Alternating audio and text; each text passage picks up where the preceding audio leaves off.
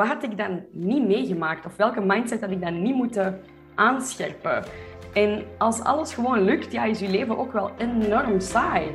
Dus ik zie ook dat als ja, de juiste dingen komen op je pad op de juiste momenten. Welkom bij Mindful Millionaire, de spirituele podcast voor zakelijk succes. Jouw bron voor inspiratie en inzichten op het gebied van zelfontwikkeling, business, carrière, spiritualiteit en groei. Jessica de Blok is founder van Antwerp Avenue en co-founder van Alpha Vrouwen. Jessica bouwt brands en daar is ze mega succesvol in. Inmiddels leert ze ook anderen dit te doen met haar nieuwste bedrijf Business Bestie. Welkom Jessica. Dankjewel. Heel leuk om jou hier te hebben. Dankjewel, ik vind het leuk om hier te zijn. Ja, we worden helemaal internationaal nu. we zijn nog niet zo ver van elkaar. Waar zit je op dit moment? Waar woont je? Amsterdam. Ah ja, oké. ik woon ja, iets ten noorden van Antwerpen. Dus, dus het is al eh, twee uurtjes van elkaar, zoiets. Ja, ja nee, superleuk. Jessica, jij hebt heel veel businesses, voor mijn gevoel. Ik zie jou altijd allemaal toffe dingen doen. Wat ze gemeen hebben, is dat alles er heel mooi uitziet. Oh, thanks. Kun je iets vertellen over je nieuwste business? Want hoe gaat zoiets in je hoofd? Waar krijg jij ideeën vandaan en hoe ontstaat dan zoiets in het echt? Ik vind dat al een hele goede vraag die je daar stelt. Want dan ga ik ineens heel diep gaan. Hè? Mag het? Mag ik Je mag, ja zeker. Je zult dat graag horen, denk ik. Maar er gaat natuurlijk een hele voorgeschiedenis aan vooraf en allemaal domino-stenen die elkaar opvolgen. Maar hoe dat een nieuwe business bij mij meestal ontstaat, is vanuit ik heb twee soorten gedachten. En ik heb gedachten die ik zelf heb gevormd en gedachten die ik niet zelf heb gevormd. En in de laatste twee, drie jaar ben ik beginnen voelen of beginnen ontdekken welke niet van mij zijn. En degene die niet van mij zijn, daar moet ik het hardst op letten. En vanaf dat er iets komt dat niet, een, een gedachte komt die niet is gevormd door een redenering of een ketting van redeneringen, lijkt het mij iets dat, dat ik moet volgen. is een soort intuïtie die praat. En dat volg ik dan. Dus bij Business Bestie, mijn derde brand eigenlijk, want dat zit onder hetzelfde bedrijf als Center Revenue, is dat ontstaan vanuit ja, echt, echt flow. Echt zo... Ik, ik voelde dat er gewoon iets voor mij nog weggelegd was. En er waren wat blokkades die daarop zaten, want ik wilde mezelf echt geen coach noemen, maar om even te kaderen degenen die luisteren, dat is een bedrijf waarbij ik mensen help aan hun grootst mogelijke brand. Dus dat kan een personal brand zijn of een brand zijn die zonder een gezicht noodzakelijk. Dus ik wilde niet mezelf coach noemen. Daar zat echt een enorme blokkade op. En dan heb ik mijn bedrijf Business Bestie genoemd. Ik dacht, misschien ben ik wel gewoon je bestie die je helpt naar uw grootst mogelijke zelf binnen dit kader. En dat kon ik wel accepteren voor mezelf. Dus dan, vanaf dat die blokkade eraf was, is het supersnel gegaan. Heel mooi. Ik zo herkenbaar die blokkade op coach. Want ik denk ook dat een coach heel iets anders doet dan hoe wij toch wel vaak coaches zien. En vooral in de business coach wereld inderdaad. Dat, ik vind een bestie veel mooier ja, veel mooiere naam eigenlijk. Ja, heel goed bedacht. Dankjewel. Je hebt het over gedachten die niet van jou zijn en die wel van jou zijn. Hoe zie je dat onderscheid? Hoe weet je, oh, dit is echt van mij en dit is het niet? Ja, het wordt steeds duidelijker. Dus ik vermoed dat ik dat heel mijn leven heb gehad en ik denk ook dat iedereen dat heeft. Maar dat je een level van bewustzijn nodig hebt om het te kunnen horen. Hmm. Heel vaak is dat zo'n troebele hoop gedachten en gaat je daar niet in selecteren, maar vanaf dat je natuurlijk begint je eigen gedachten te inspecteren van waarom voel ook je gevoelens van waarom voel ik me nu verdrietig, wat heeft me getriggerd, waarom ben ik boos, waarom ben ik nu gelukkig, wat heeft me zo gelukkig gemaakt, heb ik misschien genoeg geslapen, is dat het enige dat daartoe heeft geleid. En met dat bewustzijn en je gedachten zo steeds meer zo te gaan dissecteren, merk je dat er dingen gewoon vanzelf in je hoofd komen. En ja, het is ook een overtuiging, denk ik. De overtuiging dat ook niet alles dat in je hoofd zich afspeelt door jezelf gemaakt is en door je omstandigheden gemaakt is. Dus ik weet bijvoorbeeld dat een gedachte kan rijpen door de jaren heen. Bijvoorbeeld, ja, ik wil een bedrijf starten. Oh, wat lijkt me een leuk product? Wat heeft de markt nodig? X, Y, Z. Dat zou een, een redenering zijn of een ketting van redeneringen die uiteindelijk leidt tot een idee. Maar soms denk ik, die is zwanger. Echt, Ik heb echt de, het laatste jaar vijf zwangerschappen van mensen die ik goed en niet goed ken voorspeld. Op de dag vaak dat ze het gingen aankondigen, dat ik echt wist, ja, die is zwanger. Echt mega gek. En ook dat bewustzijn zit daar ergens zit daar ergens bij. En die gedachte, dat is heel duidelijk. Want ik heb niet gekeken, heeft hij een dikke buik? Heeft hij zoveel maanden na, is dat haar trouwfeest, whatever? Dat zijn dingen die poppen in je hoofd. En ja, normaal doe je dat heel hard af. Maar nu ben ik ervan overtuigd dat die een bepaald doel dienen. En schaam ik mij daar ook niet over om dat te zeggen dat dat, ja, dat, dat niet van mij is. Ik pik het zo precies een beetje uit de cloud. Ja, ik pik het uit de cloud. En dan denk ik, oké, ja, soms vind ik het niet leuk dat ik er iets mee moet doen. Want soms zijn het dingen die ik niet wil achterna gaan. Maar het is wel altijd ja, in, mijn, in mijn best interest om daar iets mee te doen, zal ik zeggen. Ja, echt een soort downloads die opeens tot je komen en je denkt, ja, dit heeft de wereld ook nodig misschien. Dat je daar een download krijgt. En dan zie je ook dat de dingen die je dan... Zoals zo'n gedachte was eigenlijk... Business Bestie was daar een deel van. Ik heb heel lang ook gedacht aan coaching, want ik voelde me wel eigenlijk een soort van leerkracht. Ik denk wel dat dat zo echt in mij zit. Maar ik heb het lang moeilijk gehad met... Wij hebben Alpha Vrouwen waarin dat ik samen met Amy coach. En ik wil gewoon geen concurrent zijn voor mijn eigen bedrijf of voor mijn beste vriendin. Ik dacht, ja, dit is echt niet mijn missie om dan zo in een of andere fight of zo te geraken. Dat zou echt totaal niet de bedoeling zijn. En dan ja, dan was ik daar al heel lang zo'n beetje ja, met die gedachten aan het spelen. Maar dan heb ik het dus heel lang opzij geschoven van ja, dat hoeft voor mij echt niet. Uh, die vriendschap en dat bedrijf is gewoon te veel waard. En op een bepaald moment heb ik zo'n download gekregen van ja, brand. Brand is mijn woord. Brand is mijn, mijn ding waar ik ja, daarin onder... Ja. En dan heel theoretisch gezien past het ook, maar ik heb het niet theoretisch gelegd, de puzzel, zal ik zeggen het is echt zo binnengekomen. En dan dacht ik, ja, hier moet ik iets mee doen. En als je dan kijkt naar de uitwerking van hoe gemakkelijk het is geweest. Ik zeg niet dat ik niet moe ben, hè, want ik ben een beetje moe van het allemaal te doen. Maar het is de manier waarop dat, dat is ontstaan en hoe snel dat mensen daarop hebben gereageerd en hoe snel ik eigenlijk mijn traject heb volgekregen en dan een tweede ronde en nu is die net afgerond en ga je het najaar misschien nog een ronde doen. Ja, en dan een nieuw product ertussen. En alle, iedereen is laaiend enthousiast. Hmm. Mijn vriend vroeg vorige week, toen mijn laatste coaching call was van, de, van het traject, vroeg hij zo, ben je blij dat je er vanaf bent? En ik zei, eigenlijk niet. Ik ga, ik ga ze heel erg missen. En die, die energie over, ja, overdracht, of die exchange tussen hen en mij, zit zo juist dat ik daar ook niet van kan opbranden, bijvoorbeeld. Ook al doe ik veel. Ja. je krijgt altijd zo'n beetje toch meer in de plus terug. En dat... Ja, dat je dat zegt, want je, ik hoorde je net ook al zeggen, inderdaad, het ging heel makkelijk, maar dat betekent niet dat je niet hard gewerkt hebt. Ja, absoluut. Ja, en ik denk dat dat best wel een groot misverstand is in, nou, ook de wat spirituele wereld, van alles moet in flow gaan en heel gemakkelijk. Maar wat jij zegt inderdaad, het is alsnog hard werken, maar het gaat wel met een bepaalde ease. Ja, absoluut. Hoe merk jij aan jezelf als dat gemak eruit is, dat het echt heel hard werken wordt, maar meer in de zin van hard trekken? Ik hoef dus niet meer per se te trekken. Nee. Ik moet een goede planning maken voor de juiste content. En als ik daar op tijd mee begin, ook die content float.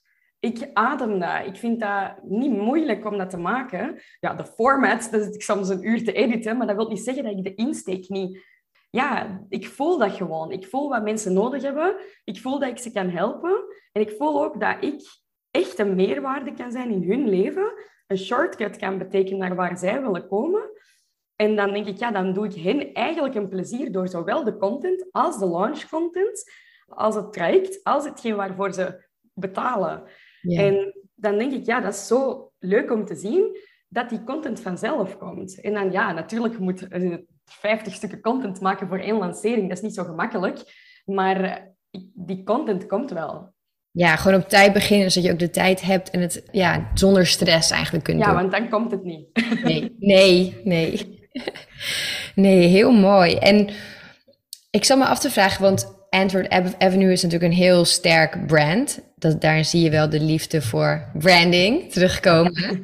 Hoe is dat zo gegaan? Want ik denk dat heel, de meeste mensen die ik spreek hebben een online business. Dus niet iets met producten. Hoe doe je zoiets? Ik denk dat heel veel mensen ook die luisteren, het heel interessant vinden. Hoe maak je nou producten in je eigen design, je eigen brand eromheen? Hoe pak je zoiets aan? Heb je even? Want hoe kan ik het antwoord zo goed mogelijk geven zonder dat ik ja, vijf jaar van mijn, zeven jaar van mijn leven ga in detail vertellen? Echt, dus je bedoelt echt zo, ja, in het begin bijvoorbeeld het detail van hoe ga ik een fabriek vinden? Of... Bijvoorbeeld, ja, dat is al super interessant inderdaad, ja. Het idee is eigenlijk gekomen ook vanuit flow. Ik schilderde. Ik schilderde dat was mijn hobby. Ik schilderde op doek. En een van die schilderijen is heel populair geworden tussen mijn vrienden op Facebook, maar het was populair. Er werd op geboden. Ik dacht, wauw, iemand wil geld geven, echte euro's voor iets van mij. En ik heb dat uiteindelijk verkocht, maar dan dacht ik, ja, wel jammer dat er geen duplicaat van is. En dan ben ik met het idee van telefoonhoesjes begonnen. Dan dacht ik, ja, dan heb je zo een duplicaat van een schilderij altijd bij u. Wel een leuk idee. Echt zo weinig nagedacht over het businessmodel of dat er geld mee valt te verdienen of zo. Maar ik was wel heel enthousiast. Dan heb ik daar een paar samples van gemaakt. Een eerste 80 cases besteld via Alibaba van de slechtste fabriek ever in China. Maar ik was zo trots op wat ik had gemaakt. Ja, en ik, moest het ook wel ergens ja, in het buitenland laten maken, want de prijs moest natuurlijk laag genoeg zijn voor mijn klanten. En dan ben ik eigenlijk vanuit enthousiasme en ook weer die, die wisselwerking, het enthousiasme van de klanten, ben ik blijven verder nieuwe designs maken, een nieuwe fabriek zoeken, uiteindelijk een webshop gestart. De eerste maand had ik ja, 20 orders of 30 orders. Ja, ik dacht, woe, halleluja, het is ongelooflijk een succes. Is en dan, het ook, ja. En ja, het was super, het was super klein. En, maar ik was zo blij en dankbaar en ik, ik had geen plannen. Ik vond het gewoon leuk. Ik dacht, ja, wat ik wel aan mezelf had beloofd, is dat als ik het ging doen, dat ik het heel serieus ging nemen. En dat heb ik ook gedaan. En dat is dus ja, ben, ja, 7,5 jaar geleden. En dan steeds meer eigenlijk... Kijk, ik had niks te verliezen. Ik, heb, ik had enkel geld van mijn studentenwerk van daarvoor. En ik had zoiets van een 3000, 4000 euro zoiets gespaard. Ik denk dat ik daarvan 1005 of 2000, ik weet al niet meer exact, in die zaak heb gestoken. That's it. Ja, heel low-key beginnen eigenlijk. Intussen is dat ook nog steeds daarmee gegroeid. Ik heb nooit geld moeten bijstorten, nooit. Er is gewoon, nu is het gewoon, ja, dat is gewoon zichzelf, self-sustaining, ja, dat is winstgevend. Maar ik heb toen ja, dat, dan, dat dan opgestart en dan eigenlijk, omdat ik niks te verliezen had, en dat is echt een a good place to be, want mensen onderschatten het echt, hoe leuk het is om niks te verliezen te hebben. Hmm. Ik was zo onbeschaamd dat ik gewoon... Ik heb magazines gestuurd en in New York ben ik dan gefeatured geweest, of ja, het, het, de, het brand, Eén case bij Cosmopolitan. Hmm. En wat heb ik dan gedaan? Onbevreesd als ik was, ben ik naar daar gevlogen, ben ik ze gaan bedanken, dan met iedereen kennis gemaakt. Ze vonden het superleuk wat ik deed. Dan hebben er nog mensen die bij een ander magazine gewerkt. Ja, daar wil ik dan ook featuren. En zo is die bal aan het rollen gegaan. Nu, dat levert niet zo heel veel orders op. Maar dat in België gaan gebruiken, levert wel heel veel orders op. Die autoriteit. En dan gewoon, kijk, ik zou kunnen zeggen... Iedereen wacht altijd, ik vroeger ook, op zo... Wat is jouw big break geweest? Wat is het kantelpunt? wanneer is het echt een succes geworden? Het is echt collectie na collectie na collectie blijven gaan, fine-tunen en elke keer één betere beslissing nemen dan de vorige. En gewoon ook op dat, op dat vlak je buikgevoel volgen. Want ik heb eigenlijk bij Antwerp Avenue nooit gedacht aan een heel winstgevend businessmodel. Maar ik heb het uiteindelijk wel winstgevend wel geworden, ja. ja. En het was eigenlijk een soort uit de hand gelopen hobby, echt. Dat, mensen zeggen het altijd, maar dit was het ook echt. Absoluut. Van naar een telefoonhoesje. Ja, inderdaad. Dus ja, zo is het gegaan. En ik, ik hoor luisteren naar je buikgevoel, naar je intuïtie. Hoe weet jij dat? Wanneer weet je, dit is mijn intuïtie, dit moet ik doen, of dit kan ik beter even laten? Er zijn heel duidelijke tekens. Maar natuurlijk, I'm preaching to the choir, want jij weet dat natuurlijk. Maar oké, dus als de, die luisteren. ik heb zoveel mensen vertrouwd die niet te vertrouwen waren. Waar eigenlijk op voorhand, als ik achteraf kijk, op voorhand waren er heel veel tekenen van, die zijn niet te vertrouwen.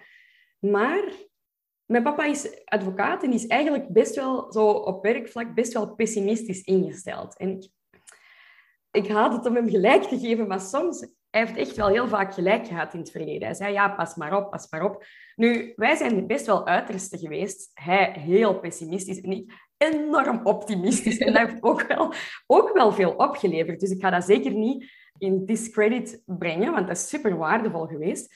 Maar ik heb die lessen uiteindelijk wel nodig gehad om te zien wie ik kan vertrouwen en wie niet en op de naar de tekens te luisteren. En als er iets niet volledig vanzelf gaat, als je moet duwen en trekken en je hebt het gevoel dat dit een teken is, ja, je, meestal weet je het. Eigenlijk weet je het, maar je wilt het niet horen. Ja. Omdat je denkt, maar als ik het toch even volhoud, dan komt er mijn big break of die persoon zal me veel geld opleveren. Maar als ik één ding moet meegeven als conclusie van heel dat verhaal, is er is niemand anders die mijn succes heeft kunnen garanderen of kunnen katalyseren. Of ja, een katalysator daar is voor kunnen zijn. Elke keer bleek, ook al waren er veel beloftes van andere mensen, dat ik de persoon was die het, het, die het gewoon in handen had. En ik moest gewoon een betere collectie maken volgende keer, een betere prijszetting, een betere website, een betere ad-strategie, een beter contentplan, een betere whatever, conversie-optimalisatie, whatever. En er is niemand anders geweest, en echt niemand anders, die ooit iets heeft opgeleverd voor Antwerp Avenue, dat, van, dat het van met tien punten omhoog heeft kunnen doen gaan. Het is elke keer één punt, één punt, één punt, één punt.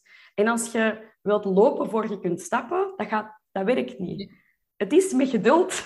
Het is gewoon zo, maar het is wel leuk nu. met geduld heb gaat, is het wel leuk. En ook gewoon enjoy the ride. Het is leuk. Ja.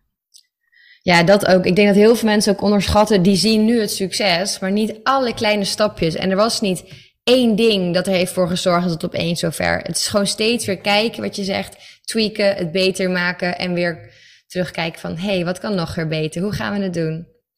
Absoluut. Heb je één keer echt een fout gemaakt dat je denkt, oh, hiervoor had ik mezelf wel willen behoeden? Zoals ik zei, ik heb geen spijt van geen enkele fout. Nee, maar ik heb, ja, ik, ja, ik heb op een bepaald moment een fabriek. Ik ben helemaal naar China gevlogen. Dat is wel een paar jaar geleden, want nu werk ik met een fabriek in Italië. Maar vroeger was ik... Ik had een bepaald soort productieproces in gedachten voor mijn telefoonhoesjes die ze konden onderscheiden van de andere hoesjes. Dat was zo'n mat materiaal. Ik vond het super mooi, heel zacht, heel premium. En die waren ook langs de binnenkant gedrukt. Hmm. En dat heette IMD, In Mold Decoration. Zoiets was het. En ik was echt, ja, zo'n beetje nerd als ik ben, was ik geobsedeerd met IMD. En ik had alle fabrieken uitgezocht en op een bepaald moment ben ik dus naar China gegaan. Ik had ook maar een visum gekregen voor één dag over de grens van Hongkong te gaan. Want dat is zo'n beetje hoe dat in hoed staat, die dag, welk visum dat je krijgt. En ik heb heel die fabriek gezien en daar een heel groot order bij geplaatst. Veel groter dan ik ooit ervoor had geplaatst. Daarvoor deed ik het zo per paar honderd.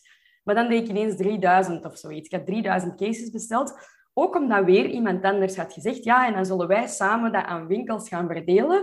Maar dan moeten de producten er wel zijn, want dan kunnen we dat in één keer leveren. Big mistake. Zou ik nooit moeten doen. Sowieso niet. Zou ik nooit meer doen op dit moment. Zelf het risico dragen voor iets wat iemand anders heeft beloofd, is echt... I would never, never. Ik vertrouw niemand op zijn woord, maar oké. En ik heb die cases besteld. En ze hebben die na mijn bezoek op een andere manier gemaakt. Oh nee. Ik had die ondertussen al in pre-order online gezet. Die ook weer in New York uh, gepromoot via de magazines. Die zijn wel echt gepromoot geweest. Heel veel van verkocht. En dan bleek dat die afgingen, al, zo, ja, zo afbladeren zo'n beetje. Oh nee, ja. En dat, het zo, ja, dat die kwaliteit gewoon niet, niet de, juiste, de juiste kwaliteit was ja, dan heb ik dat moeten rechtzetten. Ik weet niet meer exact hoe ik het heb rechtgezet, maar ik heb wel gewoon mijn... I cut my losses. Ik heb alles nog steeds in de kelder bij mijn mama, in haar huis in de kelder liggen. En ik heb toen een nieuwe fabriek gezocht. Ik heb op één weekend een nieuwe collectie getekend mijn andere productiewijze en die in pre-order verkocht, want ik had nog maar 250 euro op mijn rekening. En daarmee moest ik het doen, maar daar kon ik geen nieuwe collectie mee bestellen. Nee. En dan heb ik die collectie, een nieuwe collectie getekend, helemaal afgestemd op de markt op dat moment. Want als je in diepe misère zit, krijg je ook de beste downloads. En dan had ik die, die collectie was zodanig succesvol dat ik die in pre-order heb verkocht en dat ik genoeg geld had om die via een andere fabriek te bestellen. En dan heb ik mijn shockproof cases voor het eerst geïntroduceerd. En dat is nog to this day eigenlijk mijn grootste ja, succes, zal ik zeggen. Dus toch wel vanuit die, inderdaad, als je zegt misère, stress, kunnen ook weer hele mooie dingen ontstaan. Ja, absoluut. Als je maar open blijft staan voor downloads. Ja, en ik was wel even een hele avond aan het huilen hoor. Ja. nou, dat snap geld ik. meer. Nee, dan zit je daar met 200 euro. Dan denk je echt, wat nu? Maar dan toch, die creativiteit gaat dan stromen. En dat is denk ik ook wel ondernemerschap. Er komen altijd zoveel problemen op je pad. Maar als je die creatief kunt oplossen, dan laat je zien dat je echt een goede ondernemer Ja. En dat is al heel vaak gebeurd. Dus van 200 euro op de rekening naar nu een, gewoon een goed lopend, winstgevend bedrijf. ja. Ik ben benieuwd, wat betekent rijkdom voor jou? Ik denk dat ik een heel cliché antwoord heb, maar vrijheid is voor mij rijkdom. Ik ben stier van sterrenbeeld. En stieren, ja, een beetje materialistisch. Grappig, want ik vond dat vroeger echt een mega belediging als iemand dat zei. Maar nu denk ik, ja, look at me. Met mijn leuke spullen, mijn leuke texturen. Ik heb een kleed aan to- toptextuur. En ik vind, ik ben zo into aesthetics en al hetgeen dat kleuren betreft. En dat kan mij ook zo intens gelukkig maken. Dus ja, ergens zit daar een beetje het materiële in. En, maar ik ben niet zo per se iemand die heel veel spullen koopt. Ik wil gewoon leuke spullen kunnen kopen als het, als het nodig is. Maar ik doe veel reizen. En ik weet nog vroeger dat ik echt wel een beetje... I was burning out. Van elke dag om vier uur moest ik mijn pakketjes ten laatste beginnen maken om om vijf uur bij de post te zijn. En echt, ik was zo... Ik kan niet leven op zo'n klok. Dat, dat lukt mij niet. Ik ben echt iemand die veel meer zo in, in ja, energy bursts werkt. Maar ik was wel heel verantwoordelijk, dus ik deed dat. En op een bepaald moment heb ik dan een fulfillment center onder de, ja, onder de arm genomen. Ik heb dan gevraagd om, al mijn, om mijn webshop daar onder te brengen. En tot de dag van vandaag doen zij het grootste deel van mijn logistiek. En het feit dat ik toen die eerste vakantie kon nemen, dat ik geen pakketjes moest ja, door, door iemand anders laten maken, of dat ik de webshop moest sluiten, maar dat ik eigenlijk kon blijven geld verdienen terwijl ik op vakantie was, dat voelde echt gewoon unreal. Ja, En, dan, en nu, nu, soms besef ik dat niet eens meer. Dat als ik zeg, oh, ik wil graag volgende week op reis, lukt wel. Ja, dat ik dat kan betalen, is leuk.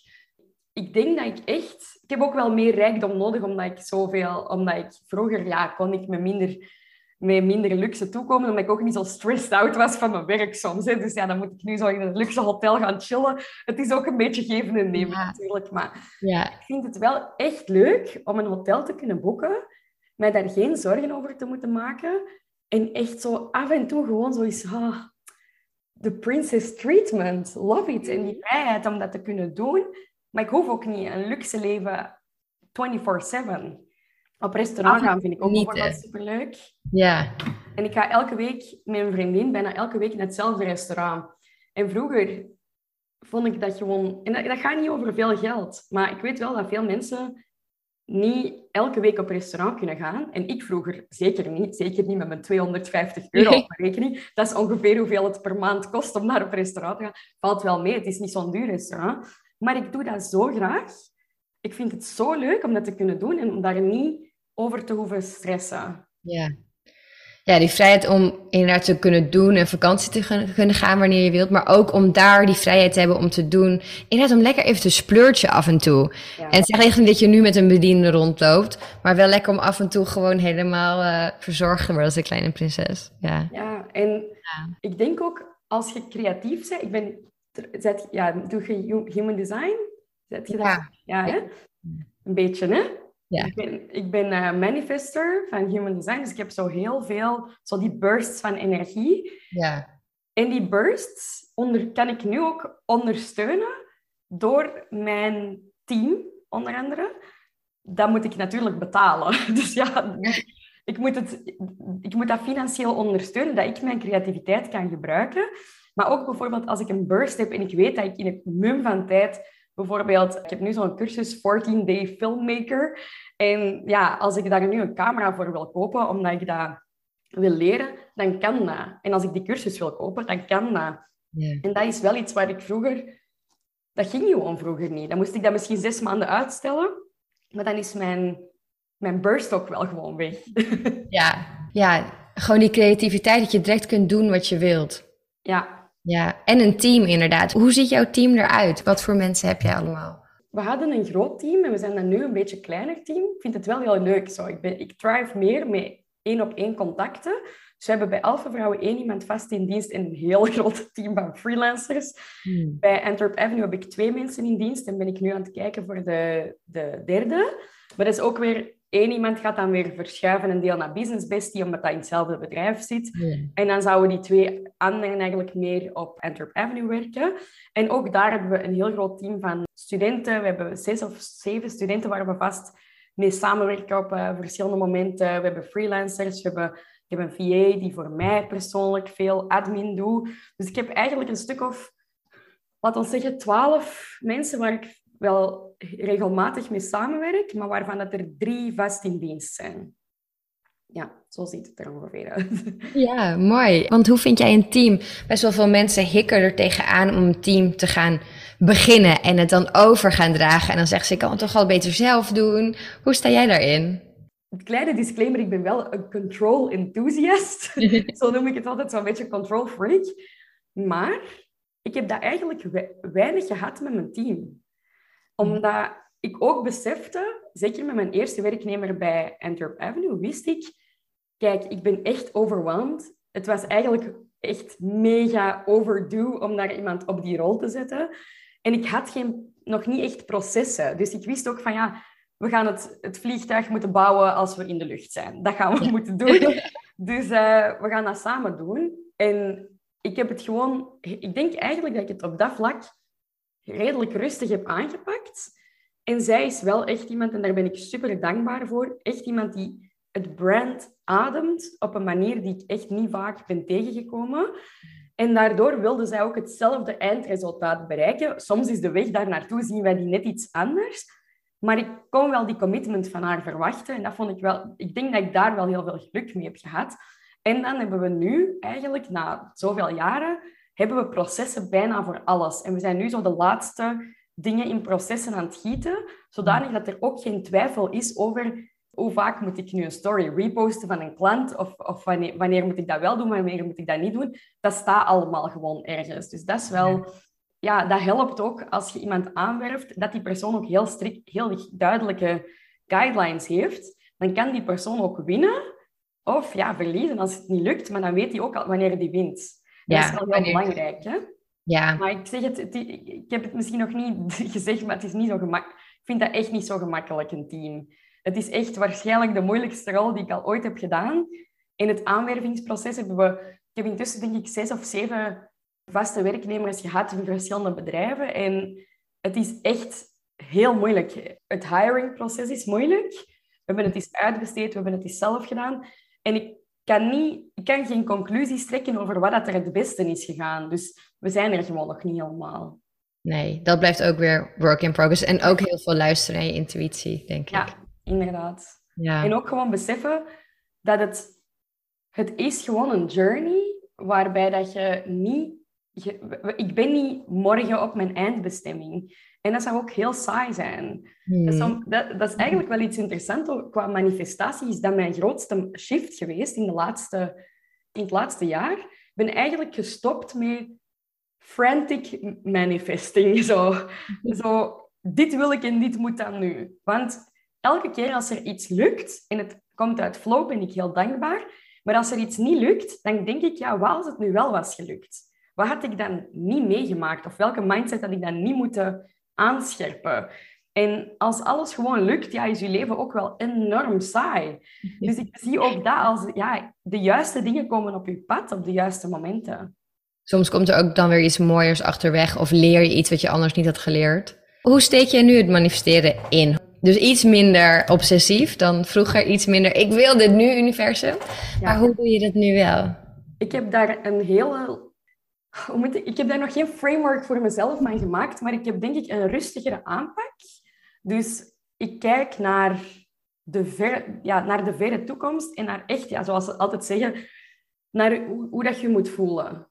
Hmm. Hoe, dat je, hoe dat ik mij wil voelen ten opzichte van bepaalde resultaten of whatever. En als dat resultaat er dan is, ja, wacht. Het, het, het is minder gelinkt aan het resultaat dan aan het gevoel, zal ik zeggen. Ja. Dus laat eigenlijk de manier waarop heel hard open. En ik wil ook daar mijzelf challengen of uitdagen om dat ook te beseffen dat dat soms in een andere vorm komt, wat je wilt.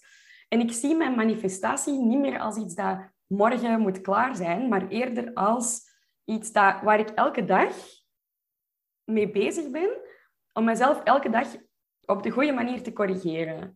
Dus ik ga niet meer in duw- en trek-energie. Ik volg mijn intuïtie. Ik probeer in die, ja, in die positiviteit te blijven, maar als ik mijn gevoel... Ik wil mijn gevoel ook niet wegduwen. Dus ik denk door mijn way of life aan te passen, dat mijn manifestaties bijna vanzelf gewoon realiteit worden, zonder dat ik daar noodzakelijk echt een journal-oefening over moet doen of, of daar een mega visie over moet maken. En ik heb gewoon geduld, denk. Vroeger was ik niet geduldig, maar nu ben ik gewoon, ja, I play the long game. ja.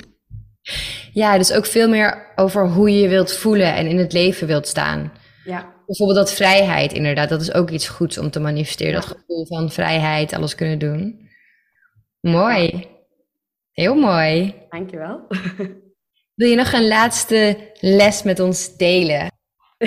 het, mijn hoofd gaat direct zo naar de brand, maar ja, ja, graag. Doe maar iets over branding. Ja, een laatste les op brandinggebied.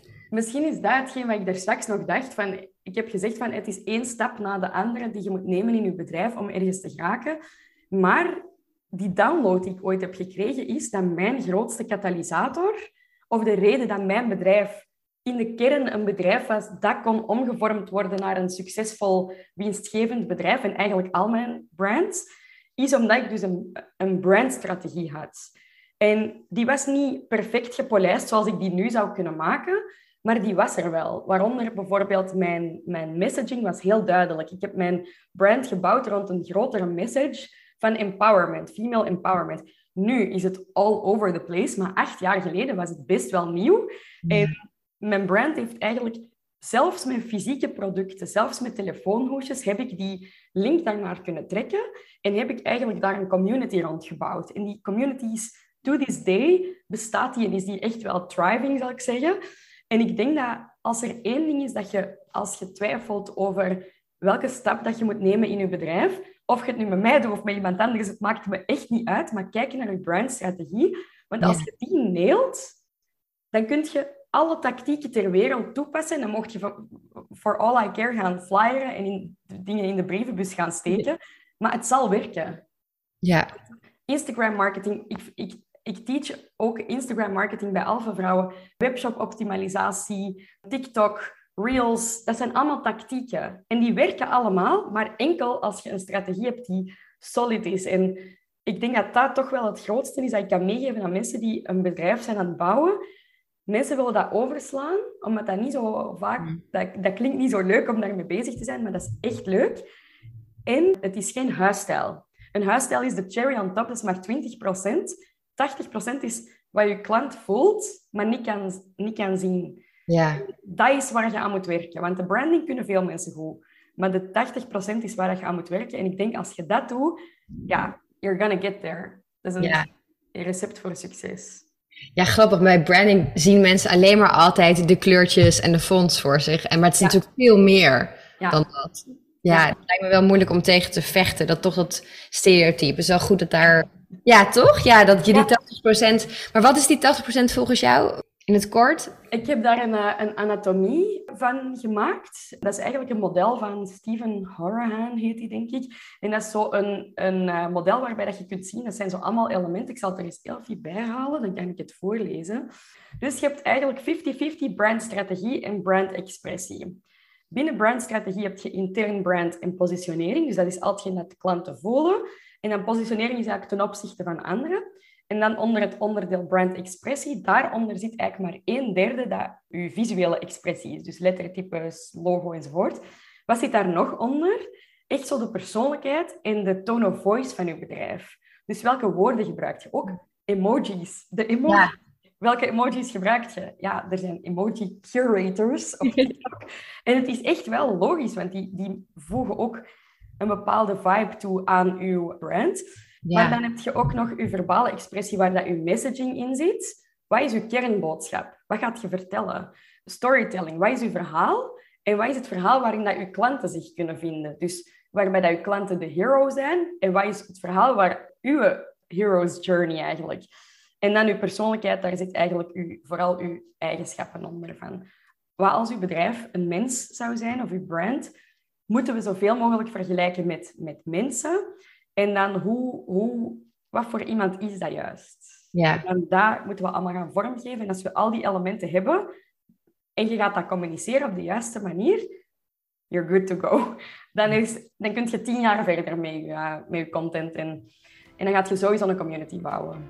Mooi. Dankjewel. Ja, super. Bedankt. Je luisterde naar Mindful Millionaire, de podcast. Ik hoop dat deze episode je nieuwe inzichten, inspiratie en ideeën heeft gegeven. Mocht dat zo zijn, dan ben ik je super dankbaar als je deze podcast deelt, volgt, reviewt of een shout-out geeft op Instagram via Steffi Roos Dankjewel en tot snel.